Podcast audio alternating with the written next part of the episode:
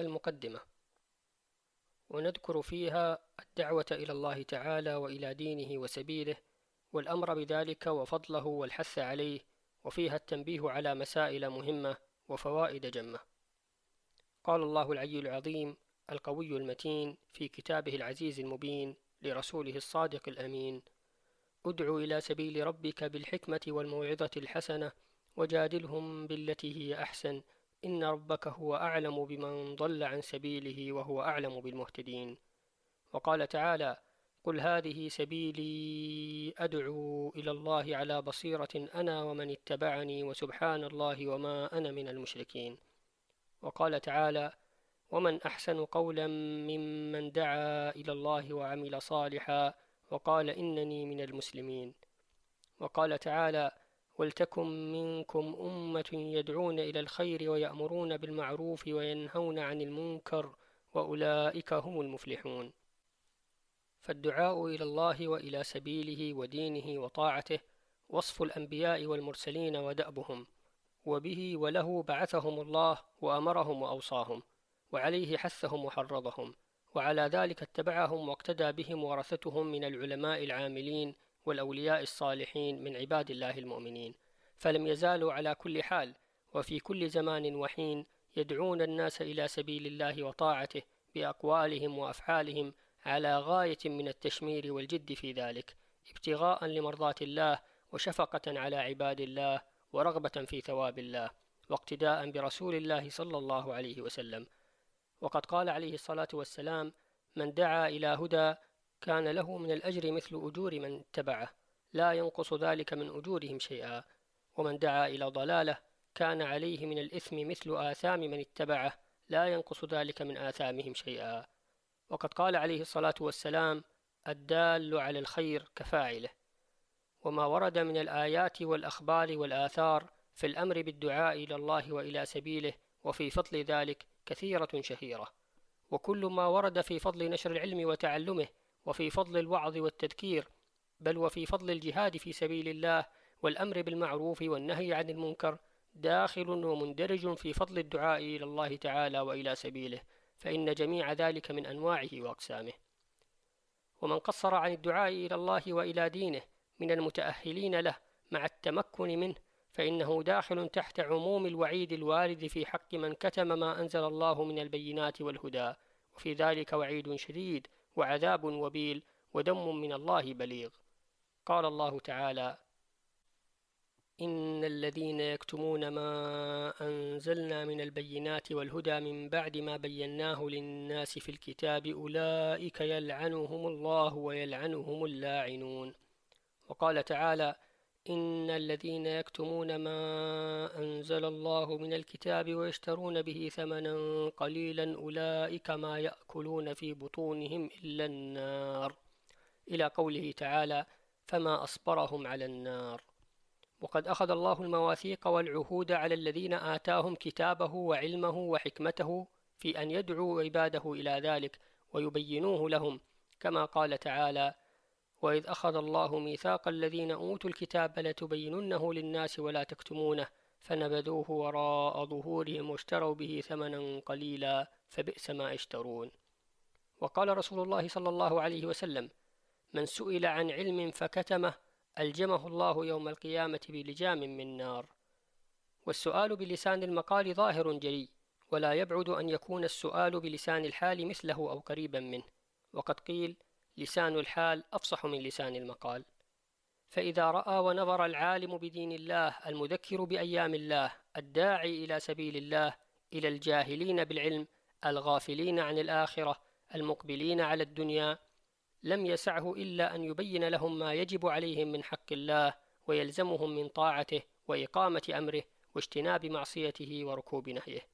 فأما العلماء المقصرون الذين قد غلب عليهم التفريط والتخليط فليس يهمهم ذلك وربما لم يخطر لهم على بال لأنهم قد شاركوا الجهال في الإضاعة والإهمال وسيء الأعمال والأقوال. فليسوا يتميزون عليهم إلا بصورة العلم ورسومه التي على ألسنتهم وظواهرهم.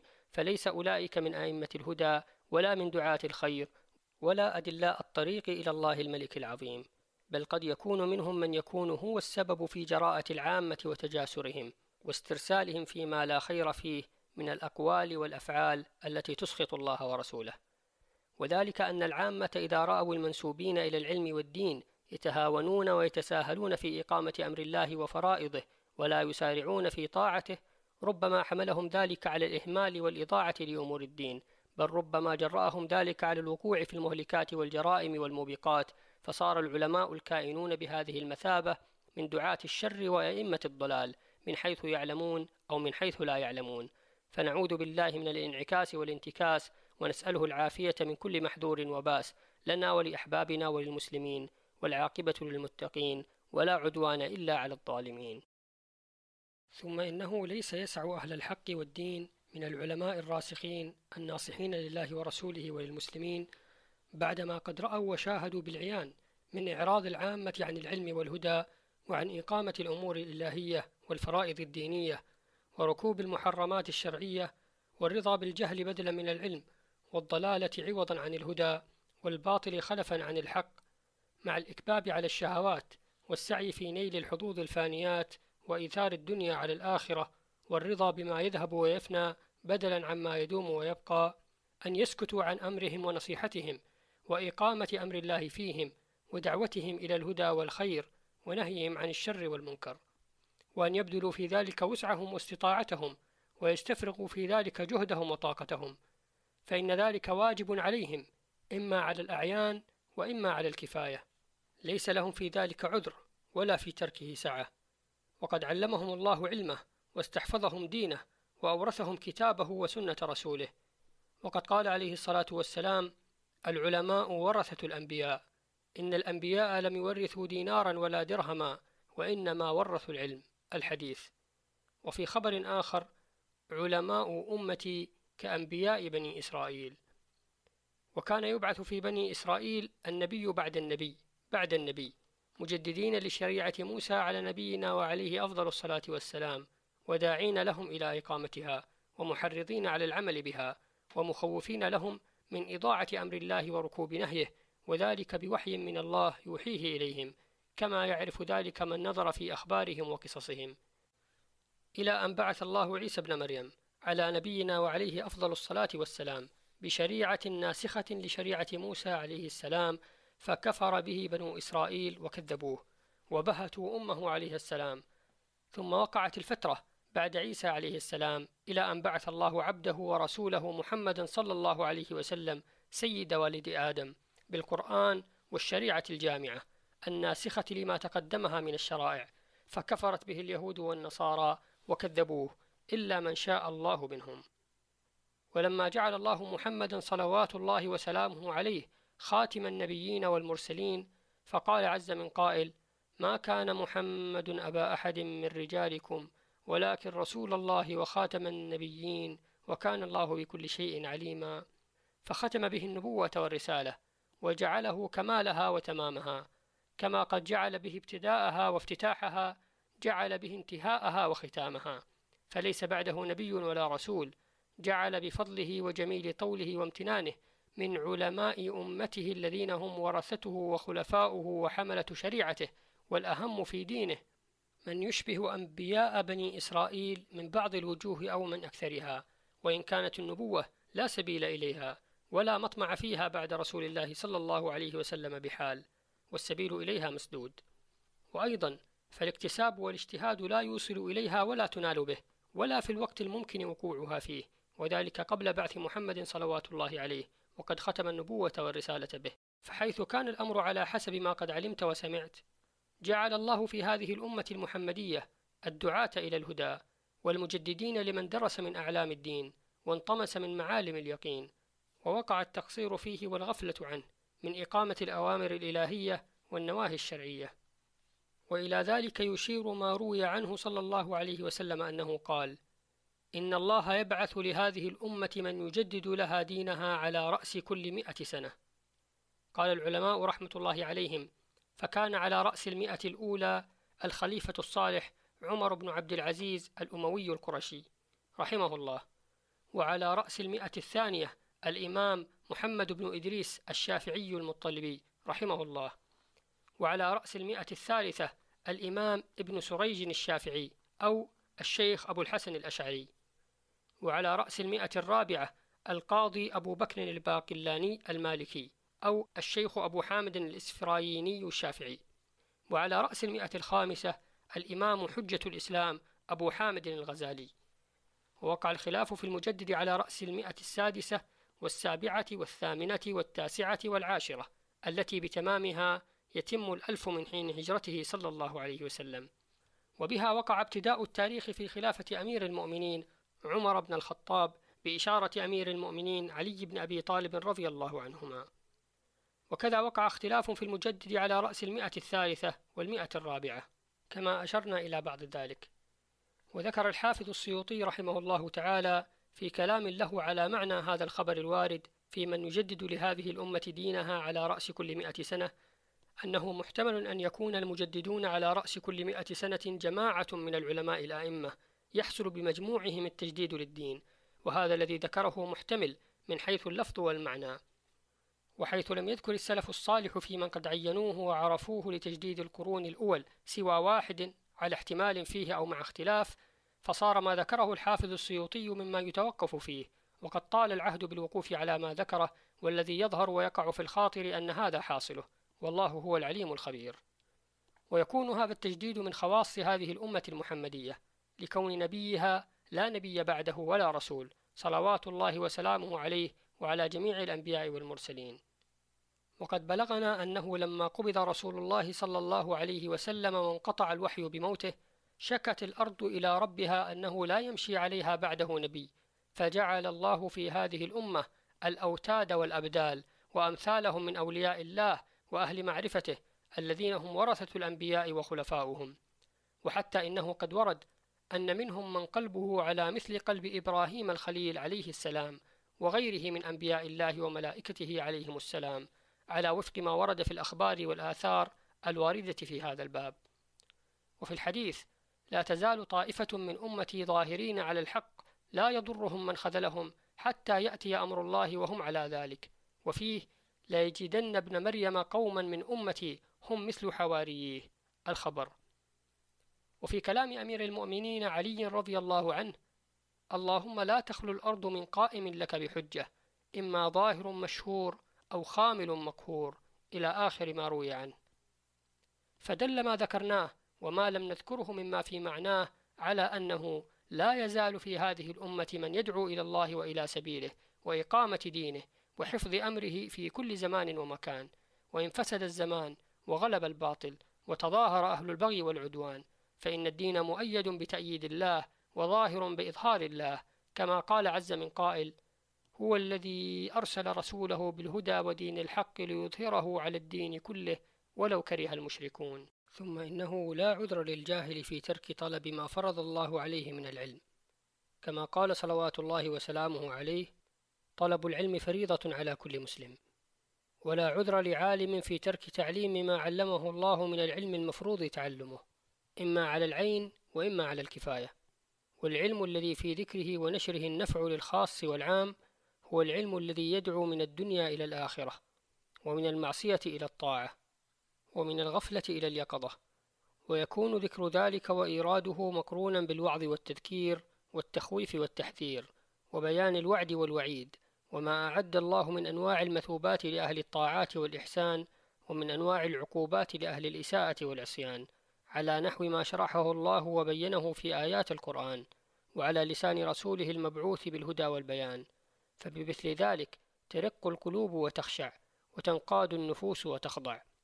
قال الله تعالى فلولا نفر من كل فرقة منهم طائفة ليتفقهوا في الدين ولينذروا قومهم إذا رجعوا إليهم لعلهم يحذرون. وفي حديث حنظلة رضي الله عنه حين قال لرسول الله صلى الله عليه وسلم نكون عندك فتذكرنا بالجنة والنار حتى كأننا نراها رأي العين ما ينبه على ذلك. فترى كتاب الله وسنة رسوله مشحونين بذكر الترغيب والترهيب. والتبشير والتحذير في خلال الآيات والأحاديث التي فيها شرح الأحكام وبيانها. وكانت مجالس العلماء العاملين والأئمة المهتدين معمورة بذلك وكان منهم جماعة يقعدون على الكراسي ويجتمع عليهم الجم الغفير من المسلمين فيعظونهم ويذكرونهم بأيام الله وبآلائه ويحثونهم على إقامة أوامره واجتناب نواهيه. وكان الناس ينتفعون بذلك وتظهر عليهم الآثار المحمودة من الخوف والبكاء والمسارعة إلى التوبة والرجوع إلى الله وذلك معروف ومشهور من سيرهم سلفا وخلفا مثل الجنيد بن محمد سيد الطائفة في زمنه وأبي حمزة البغدادي ويحيى بن معاذ الرازي من المتقدمين ومثل الإمام الغزالي والشيخ محي الدين عبد القادر الجيلاني والشيخ السهروردي صاحب العوارف من المتأخرين. وأمثال هؤلاء من أئمة الدين ودعاة الخير وأدلاء الطريق إلى أن ضعف هذا الأمر وقلت الدعوة إلى الله فغلبت الغفلة على العامة واستولى عليهم الإعراض عن الآخرة والإقبال على الدنيا وزخارفها لقلة المذكرين والدعاة إلى الله على البصيرة واليقين حتى صارت مجالس المنسوبين إلى العلم والدين في مثل مجالس الغافلين المعرضين المشغولين بحديث الدنيا وذكر أحوال أهلها فلذلك عم البلاء واستطال الداء. وخرست ألسن المذكرين بالله وغلب الجهل والغفلة على عامة الناس حتى توهم من ليس له علم بأحوال من مضى من أهل الحق والهدى أن الشأن على مثل ذلك كان وهيهات هيهات ولا مرد لما قد ذهب وفات. ذهب العلم بذهاب أهله وذهاب الطالبين له والراغبين فيه. وفي الحديث الصحيح إن الله لا يقبض العلم انتزاعا ينتزعه من الناس ولكن يقبض العلم بقبض أهله حتى إذا لم يبق عالما اتخذ الناس رؤساء جهالا فإذا سألوا أفتوا بغير علم فضلوا وأضلوا. فانظر كيف صار نطق هؤلاء الجهال المترسمين. أضر على الناس من سكوتهم. تعرف به فرق ما بين علماء الدين الذين هم ورثة الأنبياء وأئمة الهدى وبين الجهال المتشبهين بهم والمترسمين برسومهم في رأي العين وظواهر الأحوال. هؤلاء ينفعون الناس بعلمهم ويهدون الناس بهديهم ويبينون للناس سبيل ربهم وما فيه فوزهم ونجاتهم في معادهم ومعاشهم والآخرون يضلون الناس بفتواهم ويلبسون عليهم أمرهم. وسيأتي فيما بعد مزيد شرح في أحوال الجهال المترسمين المتشبهين بالعلماء في ظواهر أحوالهم مع إفلاسهم عن حقائق العلم والتقوى وإخفاقهم من بضائع الدين والهدى من طوائف المغرورين الذين غرتهم الحياة الدنيا. وغلب عليهم اتباع الهوى المشار إليه بقوله عز من قائل قل هل ننبئكم بالأخسرين أعمالا الذين ضل سعيهم في الحياة الدنيا وهم يحسبون أنهم يحسنون صنعا؟ وقد ظهرت البدع والمحدثات وفشت المنكرات واستولت الغفلة والإعراض عن الله وعن الدار الآخرة على الخاص والعام فلم يبق عذر لأهل الحق والدين من أهل العلم واليقين في السكوت عن بيان الحق والهدى والدعاء إلى الله وإلى سبيله بالأقوال والأفعال والسعي بكل مستطاع وممكن في إماتة البدع والمحدثات وإزالة المنكرات. وقد قال عليه الصلاة والسلام إذا ظهرت الفتن أو قال البدع وسب أصحابي فليظهر العالم علمه فمن لم يفعل ذلك فعليه لعنة الله والملائكة والناس أجمعين لا يقبل الله منه صرفا ولا عدلا. وقد تعرض لبعض أهل العلم أوهام فتمنعه وتصده عن الدعوة إلى الحق والنشر للعلم. منها أن يقول إني غير عامل بعلمي فكيف أعلمه وأدعو إليه؟ وقد ورد من الوعيد في ذلك ما لا مزيد عليه. فيقال له التعليم للعلم من جملة العمل به والذي يعلم ولا يعمل بعلمه خير بكثير من الذي لا يعمل ولا يعلم. وإذا لم تقدر على الخير كله فلا تعجز عن القيام ببعضه. وعليك أن تعلم وعليك أن تجتهد وتعزم على العمل بما تعلم.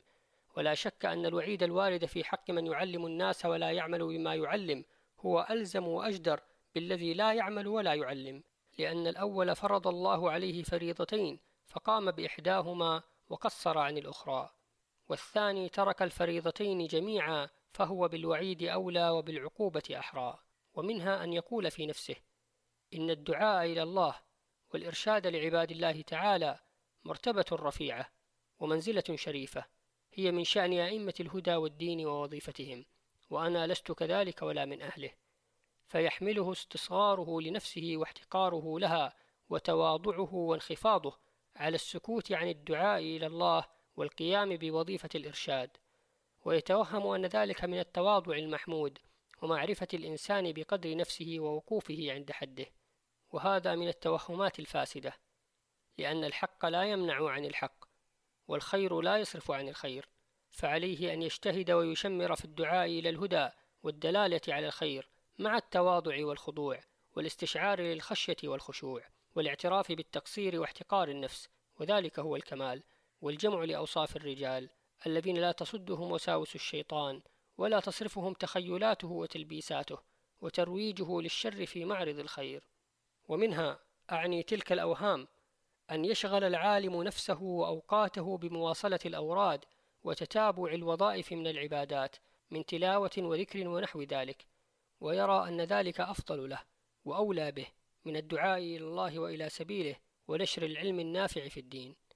والحق أن الدعوة إلى الله والنشر للعلم النافع مع الإخلاص لله فيه أفضل من العبادات اللازمة من نوافل الصلوات والأذكار لما في العلم من تعدي النفع واحتياج الخاص والعام والصغير والكبير إليه. وفي الحديث فضل العالم على العابد كفضلي على أدنى رجل من أصحابي وفي حديث آخر فضل العالم على العابد كفضل القمر ليلة البدر على سائر الكواكب.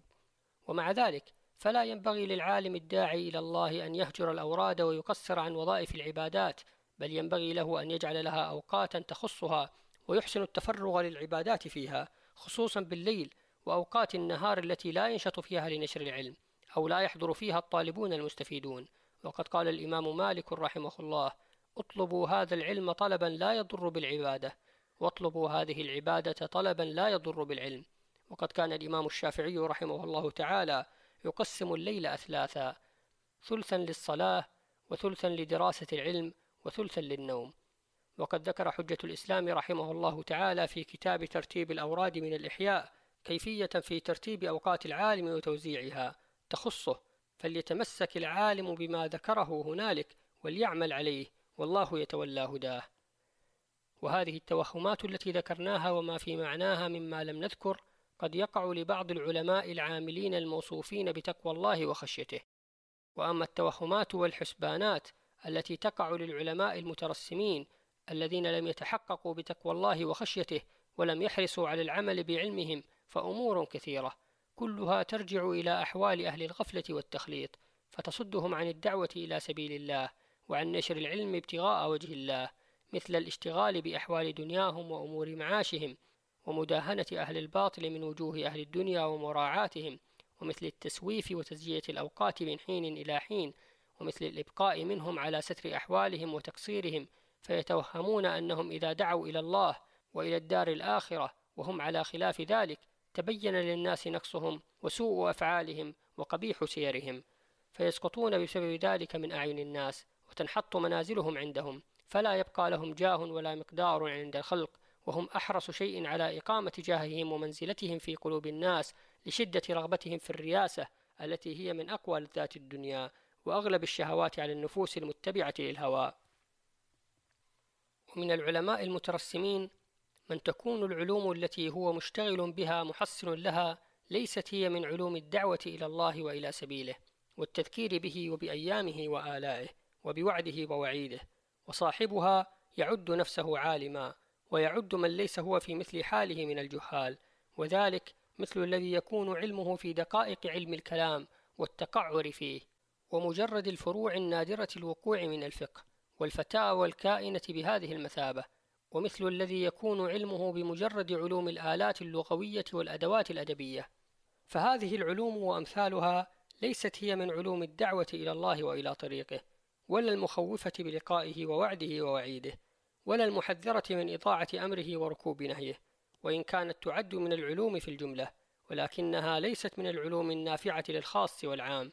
ولا التي تدعو إليها حاجة الناس في دينهم وأمر آخرتهم. وقد قيل العلوم كثيرة وما كلها بنافعة والعلوم بمنزلة الأطعمة والأدوية فيكون بعضها نافعا ومهما في حق كل أحد وبعضها للبعض دون البعض وبعضها مضرا للبعض أو للكل وفي ذلك تفصيل يطول ذكره.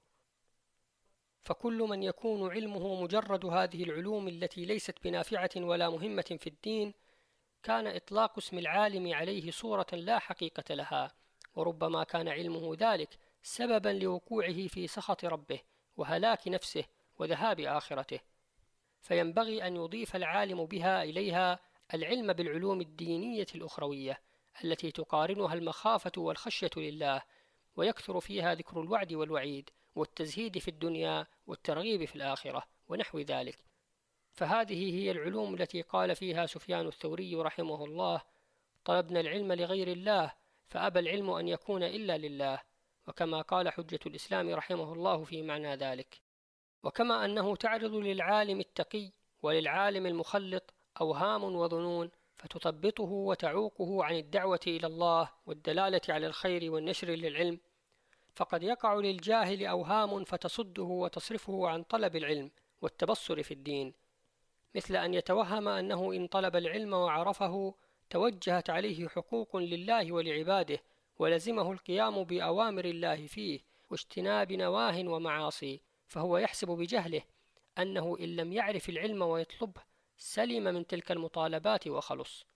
وهذا ظن فاسد وعذر بارد حتى أنك ترى بعض الجهال قد يمتنع عن حضور مجالس أهل الحق والدعوة إلى الله ويعدل عنها مخافة أن يسمع ما يلزمه العمل به من طاعة الله والاجتناب لما حرم الله عليه من معصية أو من الزهد في الدنيا وشهواتها التي قد استولت عليه وأخذت بمخنقه أو من الوعد والوعيد بثواب الله وعقابه.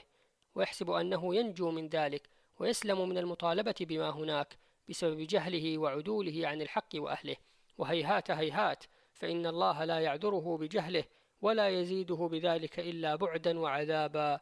وخزيا ونكالا.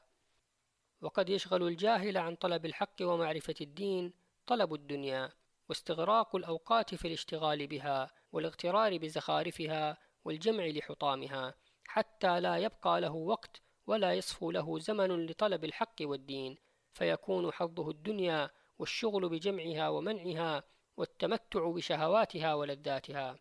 فلا يكون له في الدين والآخرة من خلاق ولا نصيب. وهو يتوهم لعظم جهله وفرط غفلته أن طلب الدنيا أهم في حقه وأوجب عليه وأولى به من طلب معرفة الدين والتبصر فيه والعلم بأوامر الله ونواهيه. وفي أمثال هؤلاء يقول الله تعالى يعلمون ظاهرا من الحياة الدنيا وهم عن الآخرة هم غافلون وقال تعالى ورضوا بالحياة الدنيا واطمأنوا بها والذين هم عن آياتنا غافلون أولئك مأواهم النار بما كانوا يكسبون. والحق أن الاشتغال بطلب معرفة الدين والتبصر في العلم والقيام بحق الله علما وعملا هو الأصل والأساس والرأس والذي عليه التعويل.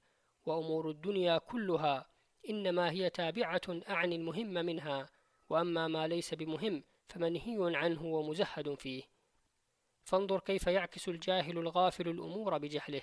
ويرد الرأس ذنبا والذنب رأسا والتابع متبوعا والمجهود فيه والمرغوب عنه مرغوبا فيه. تعرف بذلك شؤم الجاهل ومضرته وكونه بلاء وخزيا على أهله في الدنيا والآخرة. ولذلك قيل ما يبلغ الأعداء من جاهل ما يبلغ الجاهل من نفسه. وقيل أيضا وفي الجهل قبل الموت موت لأهله فأجسادهم قبل القبور قبور. وقد غلب الجهل واستولى على أهل هذا الزمان السيء حاله وذهب بهم كل مذهب حتى صار الكثير منهم أو الأكثر لا يعلم ولا يدري بالحق والدين ما هو ولا بالآخرة والمصير إلى الله كيف هو. فصارت تلك بلية عظيمة عم ضررها الجاهل والعالم والعام والخاص. فأما تضرر الجاهل بها فليس بخفي لأنه قد أضاع بسببها ما فرض الله عليه من معرفة دينه وتعلم أحكامه. وأما تضرر العالم بها فلتقصيره في الدعاء إلى سبيل الله وتعليمه الناس ما يجهلونه من أحكام دينه مع تمكنه من ذلك. فإذا صار الجهال بحيث لا يعلمون وجوب طلب ما فرض الله عليهم طلبه من علم الدين وجب على العلماء تعريفهم بذلك وحرم عليهم السكوت عنه ولم يعذرهم الله في ترك ابتداء الجهال بالتعريف والتعليم للجاهل الذي يكون هذا وصفه. وللعلماء في ذلك شغل شاغل عن كثير من مهماتهم. واعلم أن في الإسلام فترات والناس اليوم في بعضها إذ قد صار كثير ممن تشتمل عليه دائرة الإسلام لا يعلمون ما فرض الله عليهم من طاعته وما حرم عليهم من معصيته ولا يعلمون بوجوب طلب علم ذلك عليهم ثم العمل به فمتى ينتهضون لذلك؟ ويأخذون في طلبه وهم لا يعلمون بوجوب ذلك عليهم.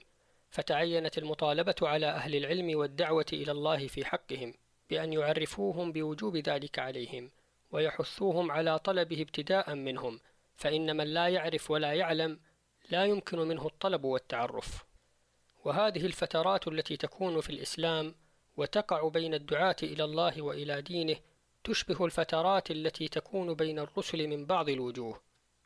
وقد أشار إلى ذلك الشيخ العارف عبد الوهاب بن أحمد الشعراني رحمه الله في أول كتابه المسمى تنبيه المغترين أواخر القرن العاشر وهي غير الغربة التي تكون للدين في آخر الزمان واقتراب الساعة التي قال فيها عليه الصلاة والسلام بدأ الدين غريبا وسيعود غريبا كما بدأ فطوبى للغرباء الذين يحيون ما أمات الناس من سنتي الحديث. وقال عليه الصلاة والسلام دخل الناس في هذا الدين أفواجا وسيخرجون منه أفواجا كما دخلوا. فمن أهل هذا الزمان من لا يعرف الحق والدين ولا يعرف أن معرفة ذلك واجبة عليه. ومنهم من يعرف وجوب ذلك ولكنه لا يطلب معرفته تساهلا وتغافلا أو تشاغلا بأمور الدنيا واستغراقا في جمعها والتمتع بشهواتها. ومنهم من عرف ذلك وطلب معرفته ولكنه لم يعمل بما عرفه وعلمه. ومنهم من عرفه وعمل به ولكنه لم يخلص لله في ذلك بل علم وعمل لأغراض دنيوية وحظوظ فانية. وكل هذه الأصناف ضالون مفتونون غير أن بعضهم أضل من بعض وأشد فتنة. وما أحسن ما قال بعض الأئمة من السلف الصالح رحمهم الله الناس كلهم موتى إلا العلماء والعلماء كلهم موتى إلا العاملون والعاملون كلهم موتى إلا المخلصون. والمخلصون كلهم موتى إلا الوجلون والوجلون على خطر عظيم. انتهى بمعناه. فقد علمت بما تقدم ذكره من إعراض العامة عن معرفة الدين والطلب للحق ورضاهم بالجهل والعمى بدلا عن العلم والهدى أنها قد تضاعفت المؤونة وعظمت المطالبة على أهل الدعوة إلى الله والبصيرة بدينه والمعرفة بعلمه حيث تعين عليهم كمال القيام والحرص على إرشاد الخاص والعام. وبدايتهم بذلك وإشاعته فيهم ونشره بين أظهرهم ليعرف ذلك من لم يعرفه ويعلمه من لم يعلمه. فتتضح محجة الله للسالكين وتقوم حجة الله على الهالكين. وعلى الدعاة إلى الله والعلماء بدينه أن يكونوا على نهاية وغاية من الرحمة والشفقة على المسلمين ومن الحرص والرغبة في إرشادهم وهدايتهم ودعائهم إلى ما فيه نجاتهم وسعادتهم في الدنيا والآخرة. وأن يكونوا على نهاية من الصبر والاحتمال وسعة الصدر ولين الجانب وخفض الجناح وحسن التأليف. قال الله تعالى لرسوله صلى الله عليه وسلم واخفض جناحك للمؤمنين. وقال تعالى فبما رحمة من الله لنت لهم ولو كنت فظا غليظ القلب لانفضوا من حولك. الآية وإن احتاجوا إلى شيء من الشدة والغلظة مع من لا يصلحه إلا ذلك فيكون ذلك في الظاهر دون الباطن وعلى وجه لا يقتضي ولا يفضي إلى تنفير وفرقة. وإن دخل عليهم أعني على أهل الحق والدعاة إلى الله شيء من الأذى من الجاهلين بسبب ذلك كان عليهم أن يصبروا ويعرضوا ويقولوا خيرا. قال الله تعالى لنبيه عليه الصلاة والسلام خذ العفو وأمر بالعرف وأعرض عن الجاهلين وقال تعالى وعباد الرحمن الذين يمشون على الأرض هونا وإذا خاطبهم الجاهلون قالوا سلاما. فقد قاست الأنبياء والمرسلين وأتباعهم من أئمة الحق والهدى من طوائف الجاهلين والمعرضين من الأذى أمرا عظيما. فصبروا واحتسبوا ولم يزدهم ذلك إلا حرصا على إرشادهم وهدايتهم إلى سبيل الله تعالى ونصيحتهم في دين الله وحثهم وتحريضهم على إقامة أمر الله واجتناب نهيه. هذا الذي درج عليه أنبياء الله ورسله والأئمة من أممهم والدعاة إلى دينهم من هذه الأمة المحمدية وغيرها من الأمم السالفة. وأما إذا لم يقابل الداعي إلى الله وإلى دينه بالرد الصريح وبالإيذاء ولكنه لم يسمع منه ولم يقبل دعاؤه أو قبل منه وأجيب ولكن لم يظهر على المستجيبين آثار الاستجابة من الأخذ بالحق والعمل به فليس له مع ذلك عذر في ترك الدعاء إلى الله وإلى سبيله. ولو أن يستجيب له في الزمن الطويل العدد القليل. ومثل هذا الحال الذي وصفناه يكون حال الداعي الناصح في أكثر الجهات الإسلامية في هذه الأزمنة أنه لا يؤذى ولا يرد عليه الرد الصريح بل يقبل الحق منه أو لا يقبل ويعمل بما يدعو إليه أو لا يعمل وربما يجيء زمان بعد هذه الأزمنة وأيام بعد هذه الأيام يشتد فيها النكير. ويعظم فيها الأذى على من يدعو إلى الحق وينصح في الدين. فليغتنم الداعي إلى الله وإلى الهدى في هذه الأيام الدعاء إلى الله فيها وإلى دينه والحال ما وصفناه. من قبل أن يأتي زمان آخر وناس آخرون يرد فيه الحق على أهله ردا صريحا ويؤذون على ذلك أذى قبيحا. بل ربما يبادؤون بالأذى من قبل أن يدعوا إلى الحق والهدى. ذلك عند اقتراب الساعة وظهور أشراطها وأماراتها العامة كما يعرف ذلك من نظر في الأخبار والآثار. ومن نعم الله على الداعين إلى الله وإلى دينه في هذا الزمان أنهم إذا دعوا ونصحوا باللسان العام لم يرد عليهم ولم يؤذوا وأيضا إذا خصوا. اللهم إلا أن يكون ذلك من بعض الجبارين والمتكبرين من أمراء الجور وولاة السوء. فليتق الدعاة إلى الله التخصيص والتعيين ليسلموا من سوء ردهم وفتنتهم وأذيتهم. فإنهم ربما ضعفوا عن احتمال ذلك وضاقت صدورهم وضجروا وتبرموا وجعلوا ما يلقونه من هؤلاء المفتونين حجة لهم في السكوت عن النصيحة ورخصة في الإمساك عن الدعاء إلى الحق والدين. وليتأسوا بسيد النبيين وإمام الناصحين محمد صلى الله عليه وسلم فإنه كان إذا بلغه عن أحد ما يكرهه لا يصرح بذكره ولكن يقول ما بال أقوام يقولون كذا ويفعلون كذا؟ كما في الأحاديث. وذلك تألفا منه ورفقا وتلطفا وسترا. وقد قال في وصفه عليه الصلاة والسلام ربه عز من قائل كريم وإنك لعلى خلق عظيم. وما أرسلناك إلا رحمة للعالمين. لقد جاءكم رسول من أنفسكم عزيز عليه ما عنتم حريص عليكم بالمؤمنين رؤوف رحيم. صلوات الله وسلامه عليه وزاده شرفا وكرامة لديه.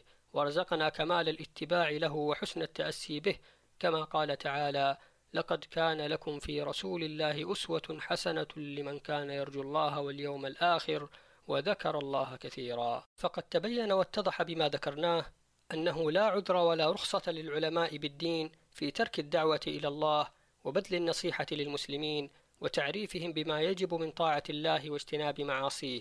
وأنه لا عذر ولا حجة لأهل الجهل في ترك القبول منهم والاستجابة لهم والأخذ عنهم بل عليهم أن يطلبوا ذلك ويحرصوا عليه ويقدموه على كل شغل ومهم من مهمات معاشهم. فإن قصروا في طلب ذلك والسعي له لم يسع العلماء بالدين والدعاة إلى سبيل الله رب العالمين أن يسكتوا كما سكتوا أو يتركوا كما تركوا فيكونوا سواء في الإضاعة والإهمال والتهاون بحق الله الكبير المتعال. قال حجة الإسلام رحمه الله تعالى في آخر الباب الثالث من كتاب الأمر بالمعروف والنهي عن المنكر من الإحياء. اعلم أن كل قاعد في بيته أينما كان فليس خاليا في هذا الزمان عن منكر من حيث التقاعد عن إرشاد الناس وتعليمهم وحملهم على المعروف فأكثر الناس جاهلون بالشرع في شروط الصلاة في البلاد فكيف في القرى والبوادي؟ ومنهم الأعراب والأكراد والتركمانية وسائر أصناف الخلق. وواجب أن يكون في كل مسجد ومحلة من البلد فقيه يعلم الناس دينهم وكذا في كل قرية. وواجب على كل فقيه فرغ من فرض عينه وتفرغ لفرض الكفاية أن يخرج إلى من يجاور بلده من أهل السواد من العرب والأكراد وغيرهم ويعلمهم دينهم وفرائض شرعهم ويستصحب مع نفسه زادا يأكله ولا يأكل من أطعمتهم. فإن أكثرها تكون شبهة مغصوبة فإن قام به واحد سقط الحرج عن الآخرين وإلا عم الحرج الكافة أجمعين. أما العالم فلتقصيره في ترك الخروج وأما الجاهل فلتقصيره في ترك التعلم. وكل عامي عرف شروط الصلاة فعليه أن يعرف غيره وإلا فهو شريكه في الإثم. ومعلوم أن الإنسان لا يولد عالما بالشرع وإنما يجب التبليغ على أهل العلم وكل من تعلم مسألة واحدة فهو من أهل العلم بها. ولعمري إن الإثم على الفقهاء أشد لأن قدرتهم فيه أظهر وهو ببضاعتهم أليق. لأن المحترفين لو تركوا حرفتهم لبطلت المعايش فهم قد تقلدوا أمرا لا بد منه في صلاح الخلق. وشأن الفقيه وحرفته تبليغ ما بلغه عن رسول الله صلى الله عليه وسلم. فإن العلماء ورثة الأنبياء. وليس للإنسان أن يقعد في بيته ولا يخرج إلى المسجد لأنه يرى الناس لا يحسنون الصلاة بل إذا علم ذلك وجب عليه الخروج للتعليم والنهي.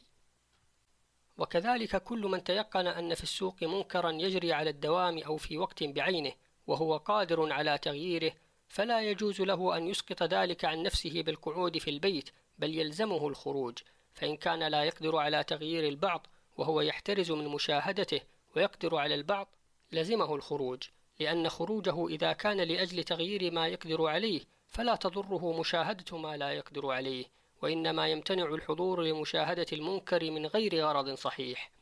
فحق على كل مسلم أن يبدأ بنفسه فيصلحها بالمواظبة على الفرائض وترك المحرمات ثم يعلم ذلك أهل بيته ثم يتعدى عند الفراغ منهم إلى جيرانه ثم إلى أهل محلته ثم إلى أهل بلده ثم إلى أهل السواد المكتنف لبلده. ثم إلى أهل البوادي من الأكراد والعرب وغيرهم وهكذا إلى أقصى العالم. فإن قام به الأدنى سقط عن الأبعد وإلا حرج به كل قادر عليه قريبا كان أو بعيدا. ولا يسقط الحرج ما دام يبقى على وجه الأرض جاهل بفرض من فروض دينه وهو قادر على أن يسعى إليه بنفسه أو بغيره فيعلمه فرضه. وهذا شغل شاغل لمن يهمه أمر دينه يشغله عن تزجية الأوقات أي إضاعتها في التفريعات النادرة والتعمق في دقائق العلوم التي هي من فروض الكفايات ولا يتقدم على هذا إلا فرض عين أو فرض كفاية هو أهم منه والسلام. انتهى ما ذكره رحمه الله تعالى. وليكن ذلك آخر الكلام في المقدمة المباركة ونشرع الآن مستعينين بالله ومعتمدين عليه في ذكر الأصناف الثمانية.